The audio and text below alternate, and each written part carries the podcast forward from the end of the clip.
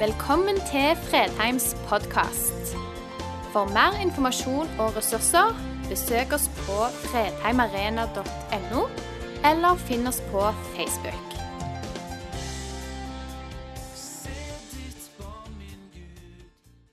For noen år siden så fikk den eh, aronittiske velsignelsen Det er den velsignelsen vi ofte avslutter gudstjenesten med når vi lyser over Guds velsignelse over menigheten. Den fikk en veldig stor betydning for meg. Jeg kan ikke huske når den fikk det, men på et eller annet tidspunkt så var det noe som grep meg med velsignelsen. Og jeg tror det knapt nok har gått Jeg har mye mangler og feil i min eller i min barneoppdragelse, men jeg tror knapt nok det har gått en dag hvor jeg har lagt ungene uten at jeg har lyst velsignelsen over i, i senga. De gangene jeg har lagt dem. Og hva det er med den velsignelsen som eh, gjør noe i meg, det tror jeg kan oppsummere at det er Guds egne ord. Det er, noe, det er noe Gud ga til Moses for flere tusen år siden. Og så, ba han Ar, så skulle Moses si videre til Aron at slik skal du velsigne israelittene.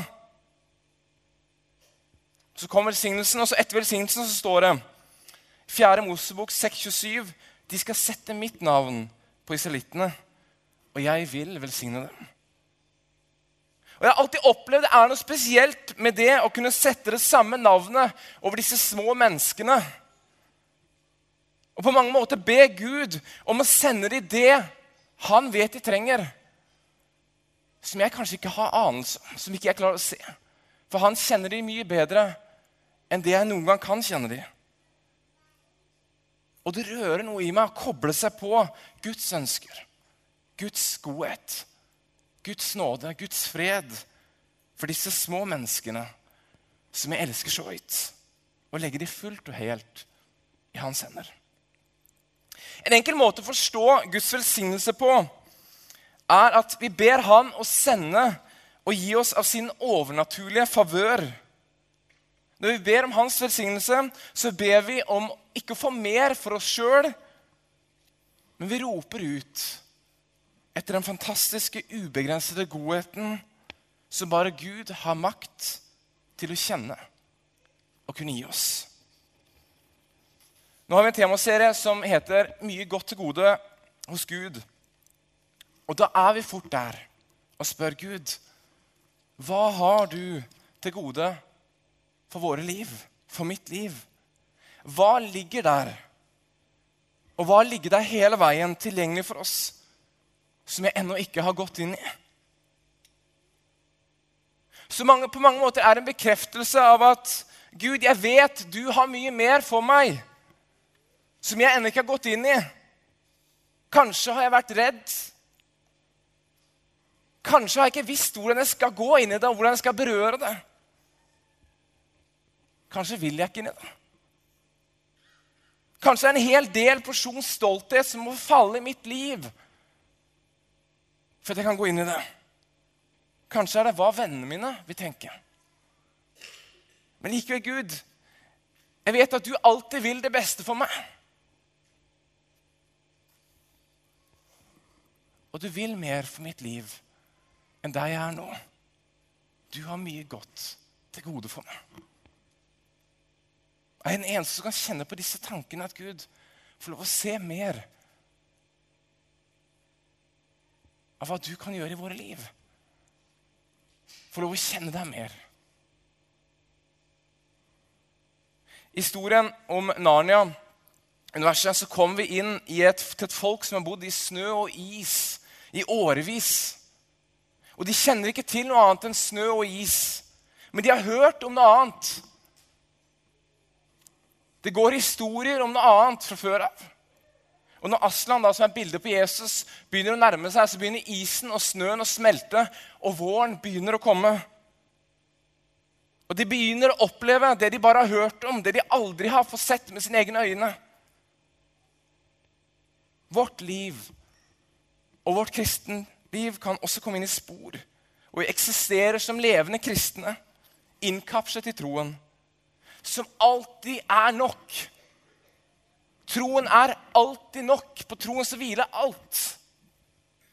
Men likevel så kan disse spørsmålene komme i våre liv. Er dette alt?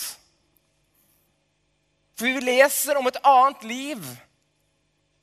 Vi hører om andre som opplever mer. Men mitt liv oppleves helt likt som det oppleves siden den dagen jeg ble kjent med Jesus. Eller kanskje til og med oppleves mindre relevant nå enn den dagen jeg ble kjent med den. Jeg må være 100 ærlig her. Ut ifra det vi leser evangeliene og brevene, så legges det opp til en utvikling i troen til kristne. Det legges opp til en modning i tro. Vi skal ikke bli stående stille der vi er. Vi skal komme tettere på ham.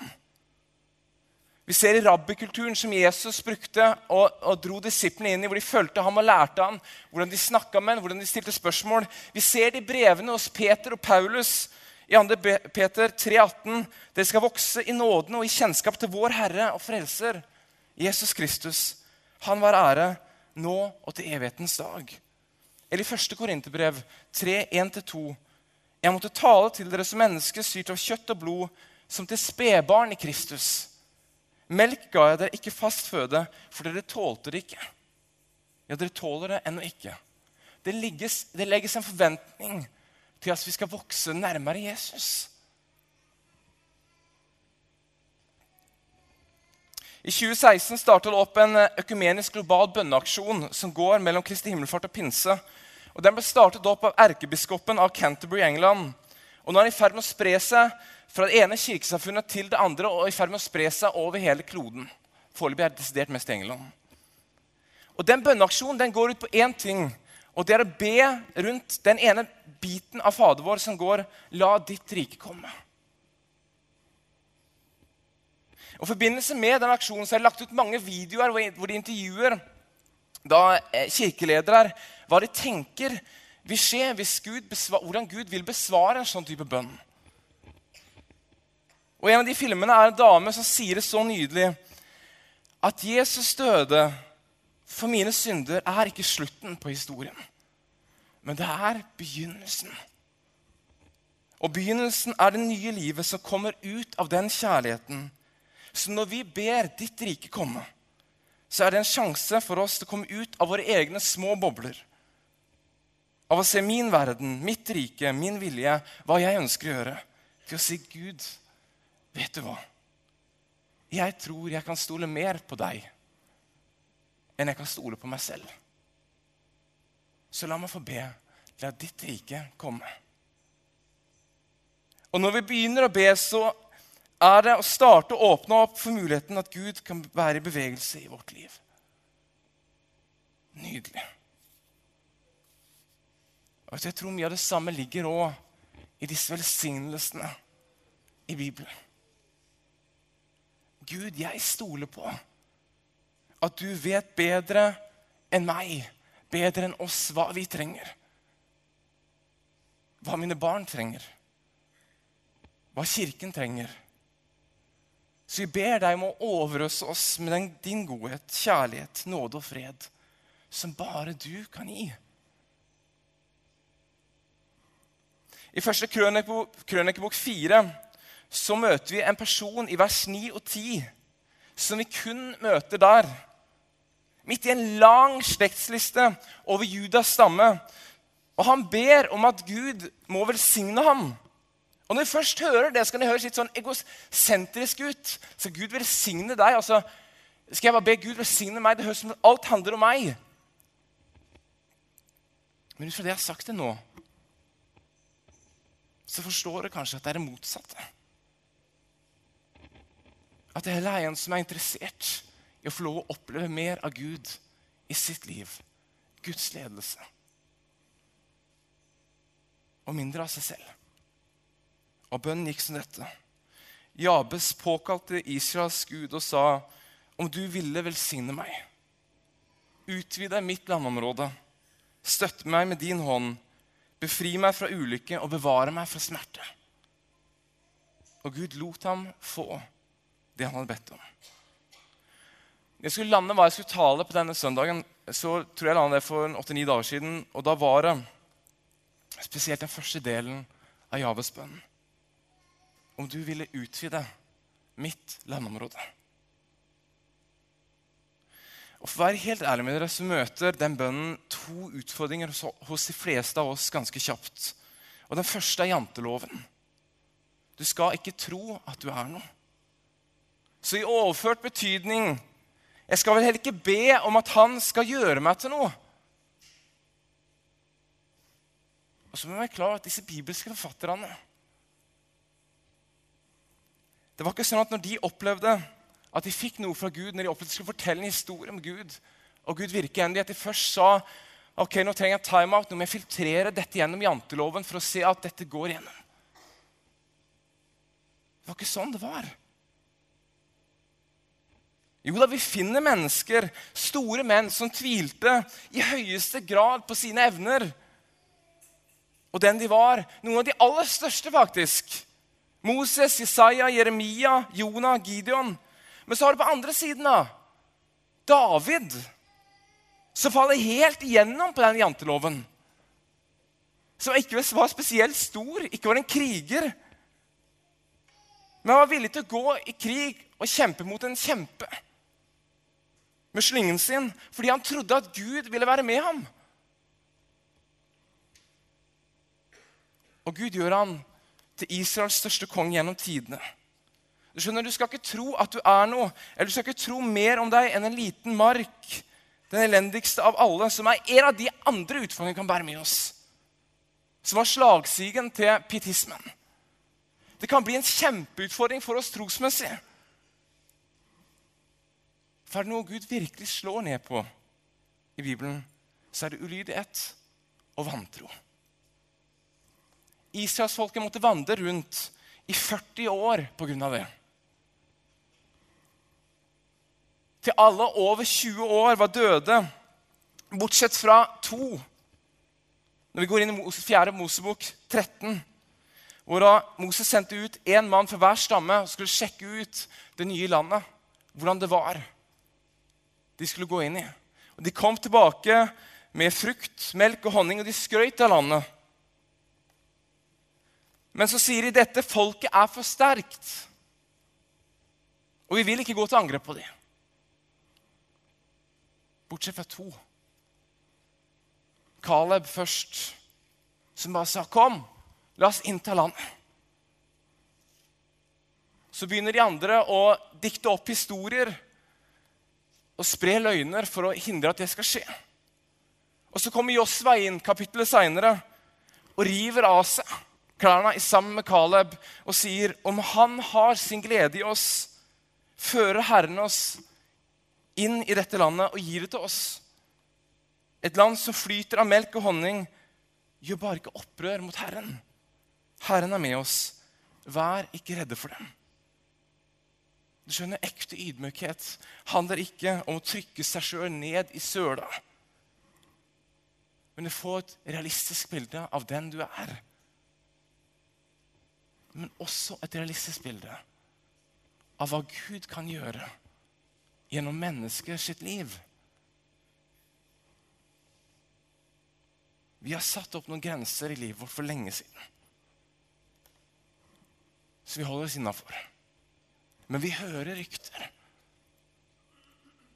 Vi leser om mennesker som brøt grensene. Ikke fordi de var fabelaktige mennesker men fordi de trodde Gud hadde mer for dem. Og de valgte å gå på det. Gud var ikke bundet av janteloven. Og når Moses innsetter Josva som leder når han, like før han dør, i 5. Mosebok kapittel 31, så gjør han på dette måten. Så kalte Moses Josva til seg mens alle israelitterne så på, og sa til dem.: Vær modig og sterk, for du skal føre folket inn i det landet som Herren med ed har lovet å gi deres fedre. Og du skal la dem få det til eiendom. Herren skal gå foran deg. Han skal være med deg. Han svikter deg ikke, og han forlater deg ikke. Vær, redd, vær ikke redd, og mist ikke motet. Og de samme ordene gjentar Herren til Josva bare noen kapitler seinere, etter Moses var død, og de begynte å sende folk inn i Jeriko for å se hvordan de skulle ta den byen. Du skjønner. vi er ikke som kirke en del av et synkende skip hvor vi må tette hull. Vi er nødt til å snu helt om på det. Finne et annet perspektiv. Du er en ambassadør for et annet rike. Du er en ambassadør for det mest spennende livet mennesker kan gå i møte. For det viktigste valget mennesker kan ta i sitt liv, å begynne å følge Jesus Kristus. Vi må ha en helt annen innfallsvinkel enn at vi holder på å hive gaffateip på et skip som er i ferd med å sinke. For det er ikke tilfellet. Når Jabes ber om velsignelse, og at landegrensene eller grensene eller kyststripene det står forskjellig i de ulike oversettelsene, må bli utvidet, så er det lett for oss å tenke at det er en egosentrisk innfallsvinkel. Men så må vi huske Jabes ber ikke spesifikt om hvordan det skal skje, eller når det skal skje. Han ber bare Gud om å komme med velsignelse over sitt liv. Bruce Wilkinson som skrev en bok med Jabes bønn, som solgte i tonneres bånd for 18 år siden. tror jeg. Jeg synes Han skriver det så fint når han bare tenker hvordan Det, det står jo så lite om Jabe. Det står bare to vers, så du må nesten bare tenke hvordan kunne dette sett ut. Og så skriver han sånn her kunne han se for oss at det var. Da Jabes ropte til Gud, 'Utvid grensene mine', så han på sine omstendigheter og konkluderte 'Jeg ble vel født til mer enn dette her'. Som gårdsbruker eller gjeter kikket han utover landområdene han hadde arvet av foreldrene, lot øynene følge gjerdene og merkesteinene, regnet ut potensialet og tok en avgjørelse. Alt du har overlatt i min varetekt. Herre, ta det og gjør det større. Og Så kommer det med et forslag da, til hvordan en bønn om å utvide grensene kan se ut uavhengig av hvilket yrke vi har. Og Herre og konge, vær så snill og gi meg utvidede muligheter og innflytelse på en måte som berører mange menneskers liv til din ære. La meg gjøre mer for deg. På samme måte må vi ta dette innover i vårt liv. Vi har sannsynligvis satt opp noen grensestener. For lenge siden. Hvor vi beveger oss med Gud, og hvor vi ikke beveger oss med Gud. Og det binder oss sannsynligvis mer enn vi tror på å oppleve alt det som kanskje ligger tilgjengelig for oss. Alle de velsignelsene han kanskje allerede har lagt over livene våre. En del av dem våger vi oss kanskje ikke ut til tak i. Men vi kjenner fortsatt på savnet, følelsen. Det må være mer enn dette. Og Så må vi på et eller annet tidspunkt bestemme oss. da. Er tiden inne for å begynne å flytte på noen steiner som begrenser? Ikke fordi ikke Gud gjør noe gjennom det, men fordi du har trukket grensene så tett at det nesten ikke er plass for han å, å regjere i det hele tatt. Fordi vi holder så fast på korta og vi styrer alt sjøl.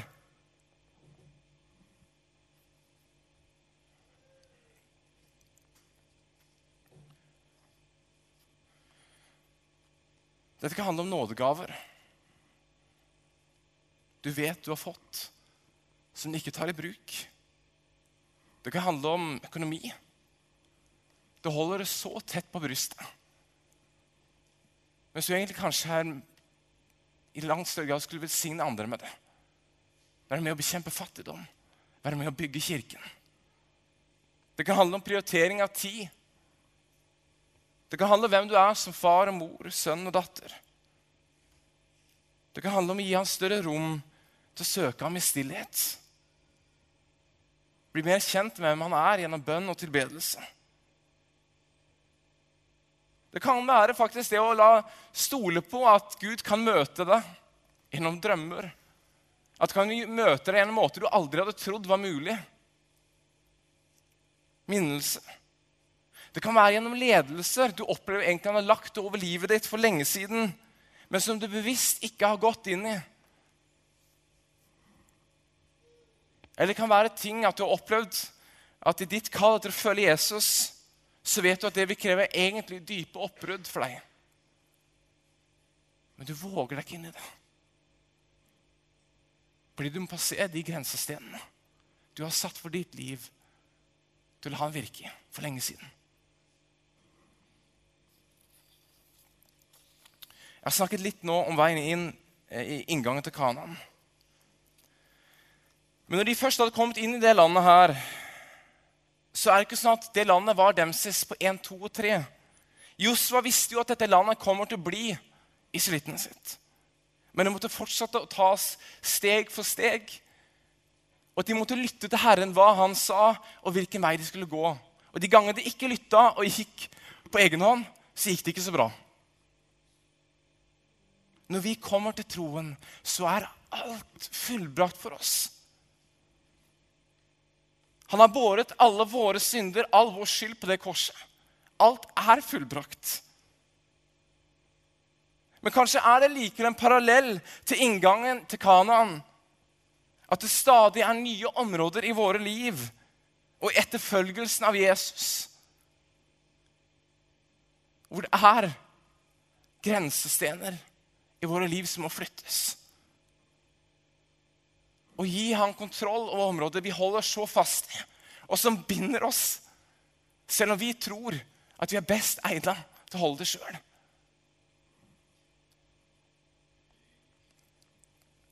Jeg tror det er mye i den oppsummeringen som jeg refererte tidligere i talen, at Jesus døde for mine synder, er ikke slutten på historien.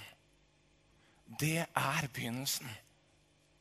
Vi kan ikke leve med det som slutten på historien. Fordi livet med Jesus er bare så utrolig spennende at vi må forstå at det er starten. Og så skal vi få lov å leve med han hver eneste dag. For en velsignelse.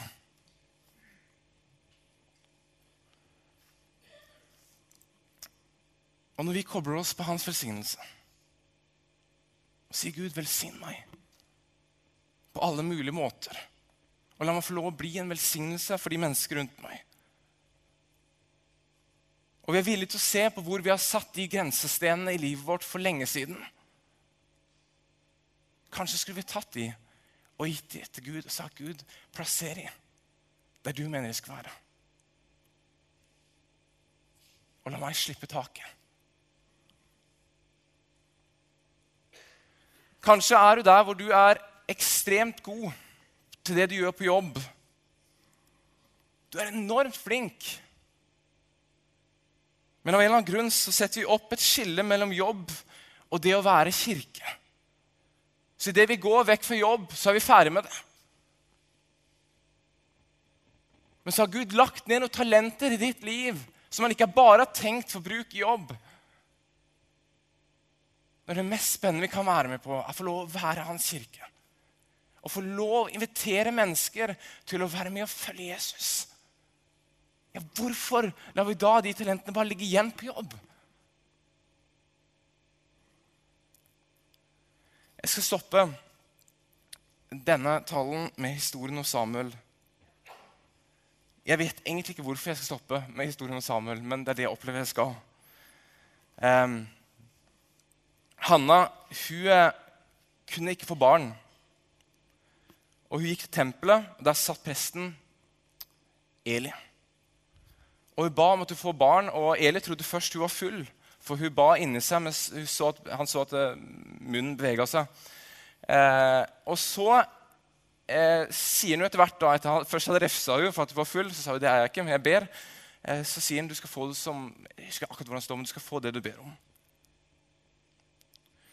Så kommer dette barnet, eh, og Hanne hadde lovt at hvis du gir meg barn, så skal jeg gi det til deg. Han skal tjene deg hele sitt liv. Så Hanna eh, leverer Samuel til tempelet, og Samuel vokser opp i tempelet. i sammen med Eli. Og En natt mens han er ganske liten, så hører han jo da tre ganger at han blir ropt på. Så han tenker med en gang det er Eli som roper meg. Han springer inn til Eli første gangen. Det er ikke jeg som roper det. Går tilbake og legger seg. Spring inn til Eli en gang til. Ikke jeg som roper det. Spring inn til Eli en gang til. Ikke jeg som roper meg. Så går du opp for Eli. Hvis han blir ropt på, og det ikke er meg, så er det sannsynligvis Gud som prøver å kalle på ham. Så han ber Samuel om å henvende seg Gud neste gang han blir henvendt. Fjerde gangen så gjør han det. Han svarer Gud. Og det ble starten på et langt liv som en profet. Hvor han skulle få lov å være med og innsette både Saul og så kong David til konge. Hvorfor tror jeg jeg slutter historien her? For det har jeg tenkt på. Og det er fordi jeg tror Gud kaller på flere her inne på ulike måter. Men vi har satt grensestenene så tett innpå livet vårt.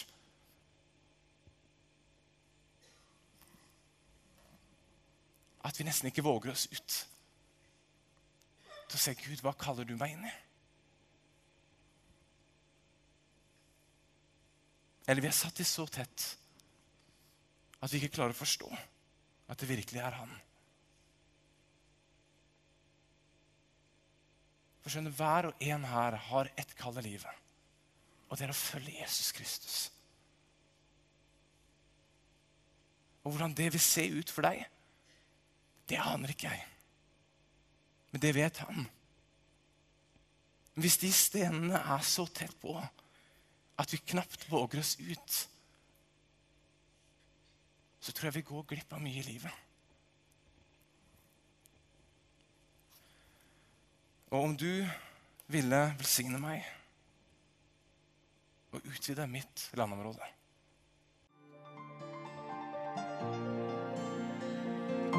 Takk for at du valgte å høre på. Nye opptak legges ut hver uke.